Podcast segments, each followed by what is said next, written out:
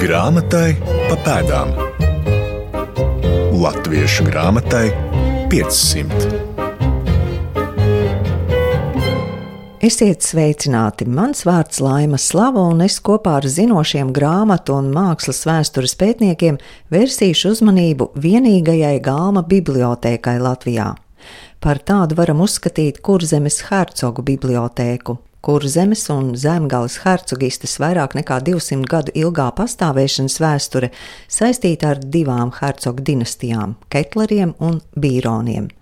Hercogu Ketleru dinastijas aizsācējs bija Gotthārds Ketlers.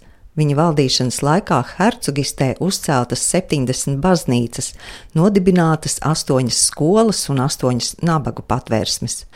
Hercogistes ziedu laikā tiek izveidota arī bagāta bibliotēka. Ketlera dinastijas bibliotēkas veidošana tika uzsākta 16. gadsimta otrajā pusē un turpinājās vairāku pauģu garumā līdz 17. gadsimta beigām. Zināms, ka bibliotēkas krājumā bijis vismaz 2700 sējumu. Grāmatas, kas uzkrātas un lasītas Kuldīgā un Jelgavā, nu jau vairāk nekā trīs gadsimtus meklējamas ārpus Latvijas. Grāmatai pa pēdām.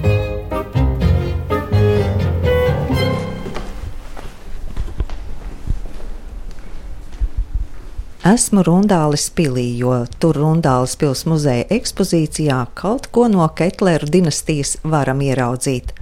Ilgadējais Rundāles pils muzeja direktors, mākslas vēsturnieks Imants Lansmanis man rāda hercoga Gotthārda vecākā dēla Frīdriha sievas Elizabetes Magdalēnas sprediķu grāmatu, izdotu 1593. gadā. Kad viņa apprecējās ar hercogu Friedrichu, viņa arī paņēma to līdzi, un kā redzēt, ar visu viņas ģerboni tas ir viņas dzimtais Pomerānijas Volgasts hercogu ģerbons. Tur arī gads ir jā, 593. Tā kā jā, varētu teikt, jā, ka viena grāmata vismaz no Ketlera bibliotekas mums arī ir. Un kā šī grāmata nokļuva? Mēs viņu nopirkām pilnīgi nejauši. Viņa bija tumša brūna, neko saskatīt nevarēja, ārkārtīgi netīra. Un to jau redzams, cik tas ir noskrānis, tas ir pēc restaurācijas. Un tikai tad, kad viņi notīrīja, un arī, kā redzat, viņi pilnīgi notīrīja līdz pergamentu tonim, nevar Un tad mēs tik ieraudzījām, ak, vai tas taču ir Elizabetes Magdalēnas dzimtais ģērbons. Tie ir droši vien jā, tādi cieti vāki. Jā, tas ir koka vāks, jā, un ar pergamentu iesējumu un ar vienam ļoti skaistu šo te ap, apdrukājumu apkārt. Bet nu, tas, protams, ir tapis viss jau tur Vācijā. Viņa vienkārši paņēmusi līdzi kā vienu no savām grāmatām. Dāma bija ļoti dievbijīga un arī ir piedalījusies vairāku baznīcu būvē, bet tajā pašā laikā pazīstama ar savu dīvaino tādu cīņu ar raganām. To viņa iegājusi ar vēsturē tādā negatīvā nozīmē. Lai labāk sajustu hercogu Ketleru laiku, lūdzu atgādināt, kur atradušās hercogu pilis Latvijā. Nu, Jaugaus pils jau kā, kā galvenā, bet atcerēsimies to, ka hercogs Gotthārds bija savā laikā sadalījis hercogistus ar diviem dēliem. Un Friedrichs palika dzīvot Jaugavā kā zemgals daļas hercogs, bet otrs dēls Vilhelms pārcēlās uz Kuldīgu. Un Kuldīgas pils bija arī Jālgavai, nu, es teikšu, līdzvērtīga rezidents, arī ļoti grezni iekārtot, kā mēs to varam lasīt 17. Eh, gadsimta inventāros, kur visu laiku jāvaimanā, ak, kungs, ja tas viss būtu saglabājies. Cik tur ir greznas zāles, un kādi kamīni, un krāsnes, un, un griezta eh, dekora aprakstīta. Nu, diemžēl, kā mēs zinām, tur nav nekā vairs skuldīgā. Tad vēl nozīmīga rezidence Grobiņā pie Liepājas, kur hercoga ģimene vairāk kārt uzturējās, īpaši hercoga Friedriča Kazimiera laikā.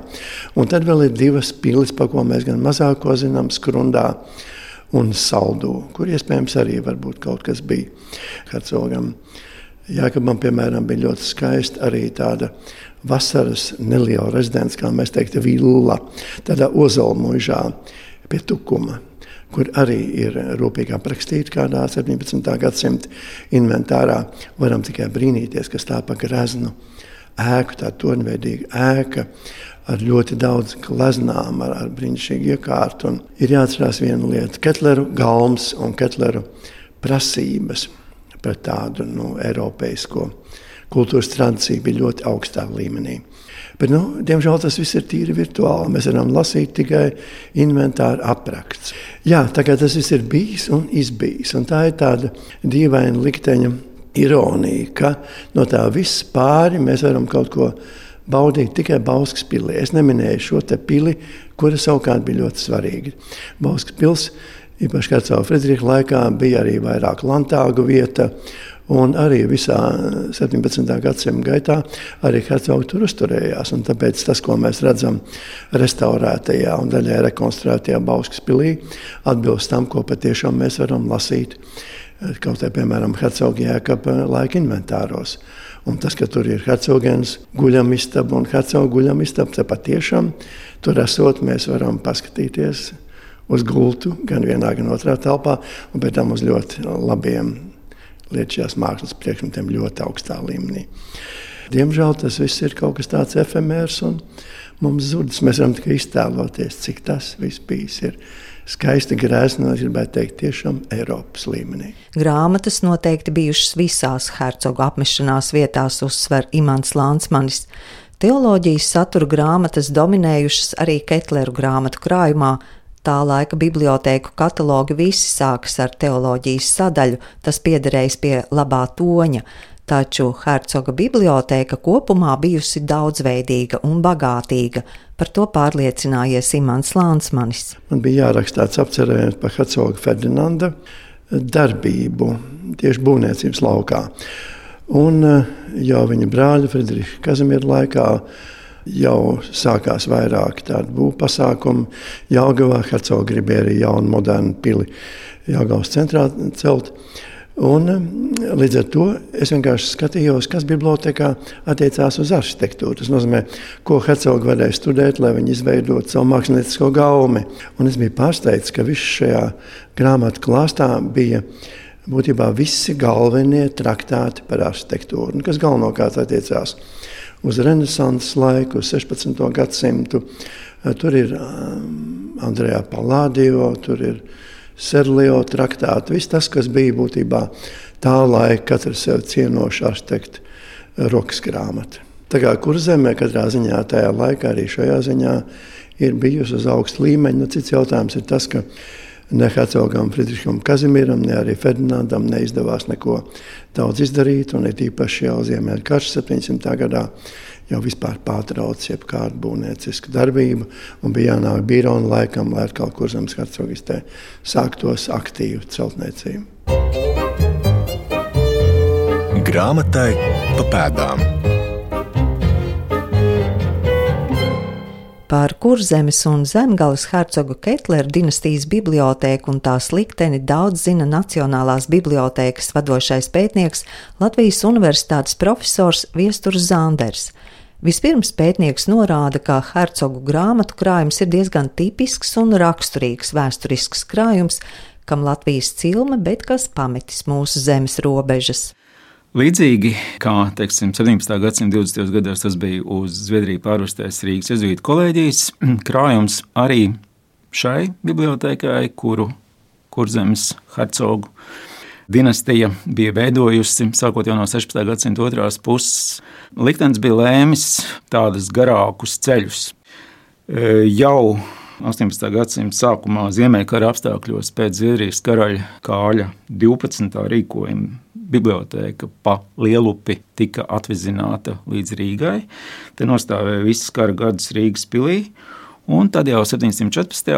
gadā pēc Krievijas cara Pētera I pavēles, pamatojoties uz to, ka viņa brāļmēta Anna Ivāna bija precējusies, tā laulība gan bija tikai dažu mēnešu ilga ar kurzemes hercogu Friedrichu Vilhelmu Ketleru, tad tika pavēlēts šo bibliotēku, kurzemes hercogiem piedarošo bibliotēku aizvest uz Pēterburgu. Rīznieki uh, bija diezgan nemērā, jo gluži vienkārši viņi negribēja gādāt ratus arī šīs bibliotekas, šī, šo grāmatu pārvešanai uz impērijas jauno galvaspilsētu. Bet, lai kā arī nebūtu, Šis pārvestais krājums kļuva par nesen dibinātās Krievijas Zinātņu akadēmijas bibliotēkas stūrakmeni. Jāsaka, ka visu 18. gadsimtu un arī zināmā mērā 19. gadsimta garumā nekas daudz par šo krājumu nebija zināms. Tad 19. gadsimta nogalē Vācu baltieši Jālgavas Kurzemes un Lietuvas mākslas biedrībā sāka par to interesēties. Viņi bija saņēmuši ziņu, ka Pēterburgā, tur Krievijas Zinātņu akadēmijas arhīvā ir saglabājies arī jau 18. gadsimtā veidots uh, rokrakstu katalogs par šo vēsturisko kolekciju. Nu, viņi sagatavoja kopiju, tā ir arī šobrīd Nacionālajā arhīvā norakstu veidā mums pieejama. Bet, nu, zināmā mērā, šis 18. gadsimta katalogs ne tuvu vairs uh, mums nerāda to ainu, kāda ir faktiski šobrīd, 21. gadsimta sākumā. Un savā veidā ir pat maldinoši, jo uh, līdz pat teiksim, 90. gadu vidum arī Latvijā publicētās mm, publikācijās bija uh, uzsvērts, ka nu, tas ir pārvērsts 18. gadsimta sākumā šis krājums uz Sanktpēterburgu. Un tur no tas Krievijas Zinātņu akadēmijas bibliotekā glabājās. Bet izrādās, ka nav gluži tik vienkārši. Jā, šīs Zinātņu akadēmijas bibliotekas rokrakstu nodaļā Saurup eh, glabājās tajā pašā laikā kopā ar grāmatām aizvestie rokraksti, rokraksti grāmatas. Un tur ir gan 17. gadsimta kurzemes hercoga mm, galvenā mācītāja Georga Manceļa gramatikas noraksts, gan arī Angūras mācītāja Mārtiņa Bihnera albums. Arī e, Latvijā, iespējams, no šīs Ketlera dinastijas visvairāk pazīstamā hercoga Jēkabas sievas Luīsas Šarlotas dziesmu grāmata. Bet, e, kas attiecās uz grāmatu e, izdevumiem, uz iespēju darbiem, tad faktiski tikai pirms kādiem 25 gadiem mūsu tautietis, Zviedrijas Karaliskajā bibliotekā strādājušais latviešu kultūra vēstnieks Jānis Kresliņš mums pievērsa uzmanību publikācijai, kas bija ieraudzījusi dienas gaismu 97. gadā. To bija izdevusi Helsinku Universitātes bibliotēka. Divu autoru kopdarbs, tā laika bibliotekas uh, eksperts, līdzstrādnieks Sirks Hau un arī Krievijas grāmatzinātnieks Irīnas Ļebiģevs darbs, kas atklāja mums jaunu patiesību, ja tā var teikt. Izrādās, ka 19. gadsimta sākumā, kad Krievijai autonomas lielkņģistas statusā tika pievienota Somija, uz turieni vairāk kārt no Sanktpēterburgas tika sūtīts grāmatas. Viens no lielākajiem tādiem prāvākiem sūtījumiem bija 829. gadā, apmēram 4000 grāmatu. Un lūk, visi šie vēsturiskie krājumi un kolekcijas ir arī atspoguļoti ļoti detalizēti un skrupulozi aprakstīti šajā Somijas 97. gada publikācijā. Un tur mēs sastopamies arī ar tikai daļu eh, no uh, savulaik uz Pēterburgas pārvestās bibliotekas. Tie ir apmēram nepilni 900 grāmatu, dažādi izdevumi, pārsvarā 16. un 17. gadsimta grāmatas. Ir tur gan arī viena inkunābula, kas ir piederējusi 15. gadsimta uh, izdevums pazīstamā Nīderlandes tipogrāfa Antona Kobergera iespiedums, kas atspoguļo 13. gadsimta Romas pāvesta Gregora 9. darbību, un tā ir piederējusi hercogistas kancleram un savulaik kukšu mūža īpašniekam Friedriham Brakelam. Bet izrādās, ka vēl citas Brakelam piederējušas inkunābulas joprojām atrodas Sanktpēterburgā. Līdz ar to tas mums vedina domāt, ka teiksim, tas sūtījums 19. gadsimta 20. gados no Sanktpēterburgas nu, nebūtu bijis ārkārtīgi pārdomāts, izsvērts, un tad, nu, saka, šeit mēs kaut ko atstājam sev vienas nozares, viena joma uh, izdevums, un tos pārējos mums tobrīd nevajadzīgos, kas saka, sūtām kaut kur citur, kā humāno palīdzību, teiksim tā. Eh, nu, vairumam no šīm grāmatām eh, autori mūsdienu sabiedrībai, es domāju, ir pārsvarā sveši. Bet tomēr starp tiem ir arī Mārtiņa Lutera, Džona Banjana, Jakoba Bēmes un vēl citu 16. un 17. gadsimta garīgo strāvojumu, autoritāšu publikācijas izdevumi arī eh, ne tikai no vācu kultūras telpas, bet arī eh, teiksim, slavenā Nīderlandes eh, tipogrāfa Kristofa Plantēna. Venecijā, Džuntas tipogrāfijā iespiestas grāmatas Arī Rīgas pirmo tipogrāfu Nikolaus Malīna un Gerhards Šrēdera izdotās uh, grāmatas pārsteidzoši tas, ka Helsinku um, daļā nav atrodami uh, Jāgaunas izdevumi. Kaut arī Jālgavā 17. gadsimta 70. gados uh, tipogrāfija tika atvērta, un no tā laika, vismaz no tā laika, Jālgavas vārds un vieta Latvijas grāmatniecības vēsturē ir uh, ļoti svarīgs un nozīmīgs. Helsinku bibliotēkā saglabātajās grāmatās, kas pētniekiem brīvi pieejamas, var atrast ekslibris, monogrammas, retāk veltījumu un īpašumu ierakstus, kas apliecina piederību Kurzemes hercogu dinastijai. Tam, piemēram, kāds Rostoks universitātes profesors ir atstājis savā grāmatā veltījumu ierakstu Vilhelmam Ketleram, pie kura Pie šī profesora Johannesa Simona Vilhelms ir savā laikā skolojies Rostokas universitātē. Savukārt uh, Hercogs Jēkab dēls Friedrichs Kazimirs pie veltījuma ieraksta uh, grāmatā ir ticis tad, kad viņam ir tikai deviņi gadi bijuši. Ja, nu, protams, nu, tas ir vairāk tāds kā kurios pieminams. Uh, tātad šis ir krājums, kurā ne tikai vairāku pauģu garumā, sākot no pirmā Ketlera dinastijas pārstāvi Gotthārda Ketlera, bet caur viņa dēliem, mazdēliem un vēl nākamajām paudzēm, vīriem, viņu sievām, sievas mātēm, grāmatas, kas ir, ir piederējušas ne tikai jau pirmie pieminētajam kancleram, bet arī dzēniekam un hercogu bibliotekāram Kristiānam Bornmanim, kas ir arī Latvijas literatūras vēsturē pazīstams kā tāds plašāka dzīvojuma Jālgava autors. Arī hercogu juristam Onofrijam Gesleram un vēl citām personībām, nu, kuru vārdi, protams, mūsdienās ir pasveši, un, un tos mēs drīzāk sastopam kādās kurzemes zemgāles hercogistē tās vēsturē veltītās publikācijās. Kāda informācija ir par tiem krājumiem, kas atrodas joprojām Sanktpēterburgas arhīvos? Nu, tātad Krievijas Zinātņu akadēmijas bibliotekā, kur nonāca sākotnēji pirms nu jau vairāk kā 300 gadiem, šis krājums glabājas vēl aizvien. Par laimi negāja postā ugunsgrēkā, kas šo bibliotēku bija pārņēmis vēl pagājušā gadsimta 80. gadu beigās. Bet eh, nu, tas prieks par uh, nepazudušo uh, tiek mazināts, ieraugot, kāda ir reālā iespēja un pieejamība šiem Latvijas cilmes izdevumiem, šim krājumam piekļūt. Jo no vienas puses ir, bet tas jau ir Krievijai kopumā raksturīgi, lepoties vai lielīties ar kaut ko, kā kara trofejas savākt to, bet patiesībā netikt ar to nemaz īsti galā. Tas viss ir jau līdz smieklīgumam pazīstams, jo gal galā arī pēc otrā pasaules kara viņi ar eh, tā saucamo atbrīvotāju pirmtiesībām eh, arī aizveda austrumu virzienā neskaitāmas vērtības. Un tad jau tikai perestroikas laikā mēs pamazām kļuva zināms, kas tur ir nonācis, par ko ir, ir gadu desmitiem klusēts, ja, bet būtībā kurzemes un zemgals hercogu krājuma gadījumā nu, tā aina nav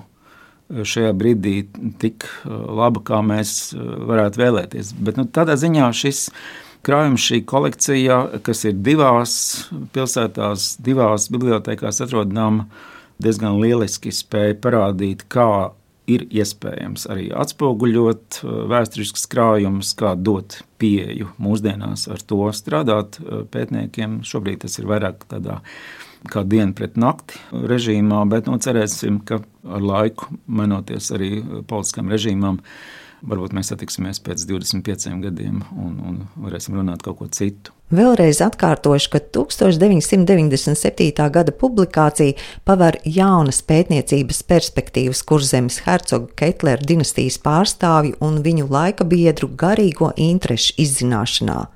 Ketleru grāmatu krājums ir viens no interesantākajiem un vienlaikus noslēpumainākajiem privātu bibliotēku krājumiem Latvijas bibliotēku vēsturē. Grāmatai pa pēdām.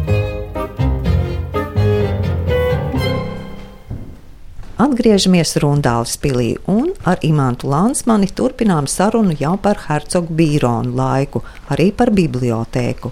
Hercoga bibliotēka 2014. gadā Rundāles pilī bija pēdējā telpa, kas tika restaurēta. Ar to tika svinīgi paziņots, ka pils restaurācija ir pabeigta. Savukārt pilsētas muzejā glabājas oriģinālais bibliotekas skats. Esam atnākuši tieši pie tā. Un tas atkal ir tāds ļoti interesants stāsts. 1990. gadā, tātad vēl padomu laikā, atnāca viens liels, liels konteiners no Rietumu Berlīnas. Mēs viņu atveram, un iekšā ir ozolkoka skats. Nu, es jau šo skatu zināju, un tā bija dāvana dāvana no Rietumberlīnē dzīvojošā doktora Gerharda Vulfiusa. Ne medicīnas doktors, viņš bija jurists. Un, uh, viņš bija cēlies pa mācību līniju no bironiem, un tāpēc, būdams arī ļoti turīgs cilvēks, vācis kopā viss, kas saistās ar bironiem. Un ar šo skapu saistījās ļoti interesants stāsts. Viņš līdz galam visu man negribēja atklāt, jo tur bija arī tādas šaubīgas mazliet detaļas no eh, likumības viedokļa. Bet es tomēr rezultātā sapratu. Viņš šo skapi bija atradis Saganā, tagad, ko sauc Polijā. Žagaņi, un tas acīm redzot, tātad 1945. gadā ir nozagts no Saganas pilsētas. Viņš teica, ka viņš pie vienas privātas personas redzējis trīs skapjus, viss vienādus, un uz viena aizmugurē bija uzlīmēta zīmīte ar uzraksta Roentālu un numur 12. Tātad minimāli bijuši rundālē 12 šādi skapi. Katrā hercoga pilī vairāk vai mazāk bija grāmatas, un e, tieši hercogam Pēterim mēs varam ļoti labi izsekot, kādā veidā šīs grāmatas krājās. Jo Latvijas valsts vēstures arhīvā ir e, diezgan daudz, ko zemes hercoga arhīvu fondā kvītis par grāmatu pirkšanu. Tur ir dažādi grāmattirgotāji sastādījuši garš, garš saraksts, ko viņi pārdod viņa gaišībai, hercogam. Un piedevām arī vēl šīs grāmatas tik skaisti iesietas. Un arī par to ir saglabājušies rēķini no Jāgaus grāmatsējiem. Nu, parasti ar iesēju ādā. Un ir vēl viena interesanta lieta, kas patīk hercogam Pēterim. Viņš iespējams, pat visām savām grāmatām lika virsū nevis ekslibru, ko mēs pazīstam kā papīrā, iespiest grāmatzīmi, ko ielīmē, bet tā saucamo superekslibri. Tātad grāmatas vākā zeltā iespiestu ģerboni. Parasti aplī ietverts ir ģērbons. Tātad 1795. gadā Hercogs Pēters, kā zināms, atteicās no troņa un pārcēlās uz šo Saganas hercogisti. Un uz turieni pārceļoja visas viņa bibliotekas. Un 1800. gadā, kad nomira Hercogs Pēters, ir sastādīts bibliotekas katalogs. Līdz ar to mēs redzam visu šo kopā. Ļoti labi redzam, jo tur ir nu, sumārais apraksts pa visām piļu bibliotekām. Tad kaut ko no tā pārdeva, arī kaut kādas gravīras pārdeva, bet tomēr visvairums palika pilī. Un interesanti ir tas, ka to visu var konstatēt līdz pat 1944. gadam, 1930. gados. Izdarītie foto uzņēmumi rāda, ka pilī ir divas bibliotekas. Sagānas pilī bija tā sauktā vācu biblioteka un franču biblioteka. Tas ir redzams gadījums, ka grāmatas kārto pēc valodām un nevis pēc satura, bet tā tas bija. Tātad tas viss kaut kā laimīgi bija nodzīvojis cauri visam 19. un 20. gadsimtam līdz pat otrajam pasaules karam. Un tad pēkšņi 44. gada kaut kur beigās, decembrī, nāk Himlera speciāla pavēle visu sekvestrēt. Tā tad nu, neatņemt, bet tā tad uzlikt aizliegumu, tālāk darboties Francūzim Talērānam.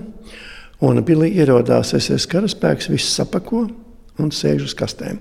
Kā man stāstīja viens cilvēks, kur tēvs bija bijis kaut kādā 45. gada sākumā, Saganā. Un tad viss pazūd. Bet no visas tā jūkļa var konstatēt to, ka visticamāk nozīmīgos mākslas priekšmetus paņēma kāda no lielajām armijām Vai nu tā bija sarkanā armija, vai nu tie bija amerikāņi, kur vienā brīdī tur bija. Pacot arī paši poļi, tikai min versijas. Bet, kas attiecās uz biblioteku un grāmatām, tad visticamāk, ka to nu, neviens tur neizved masveidā, ka tas palika uz vietas un ka to vietējie cilvēki vienkārši paņēma, maigi izskoties. Un tāpēc arī doktors Gerhards Wolfs varēja tikt pie, tiem, pie tā skapiem. Un tas izskaidro to, kāpēc mākslas tirdzniecībā izsolēs pa laikam uzpeld grāmatas, kurās ir gan Hercogs Pēters superekslibris, gan vēlākie superekslibri. Tas nozīmē, ka tas viss nāk no tā fonda, kas palika Sagans pilī un ko tā tad izputināja 45. gada sākumā esam ieskatījušies divu hercogu dinastiju bibliotekās, Ketleru un Bīronu. Secinājums, cik dažādi likteņi arī grāmatām. Bet katrā ziņā, kā redzēt, ir tāda dīvaina likteņa ironija, ka ja no Ketlera laika būtībā gan viss ir gājis zudumā, viņa pilis, viņa bagātības, viņa greznība, bet grāmatas ir, viņa biblioteka viss ir. Sanktpēterburgā un Helsinkos. Tad no bironiem, kur līdz pēdējiem brīdiem viss tur saganā bija, Un mēs varam pat apstīt fotografijās, ja visus šos grāmatas skapis, kuros vīd skaists muguriņš, un tad pēkšņi tukšums un noslēpums, lielā mistika. Ieskatu Kurzemes hercogu bibliotekās sniedz mākslas vēsturnieks Imants Lansmanis un grāmatniecības un bibliotēku vēstures pētnieks Viesturs Zanders, par ko no sirds pateicos. Raidījuma padomdevējs kā Allaž, Latvijas Nacionālā bibliotēka, producente Santa Lauga, par skaņu rūpējās Nora Mitspapa, mans vārds Laima Slava. Pēc nedēļas apkoposim, ko zinām par latviešu grāmatas dzīvi pirms molīna tipogrāfijas. Mēģināsim atbrīvot prātu no mūsdienu cilvēku priekšstatiem par 15. un 17. gadsimtu. Grāmatai pa pēdām. Latviešu grāmatai 500.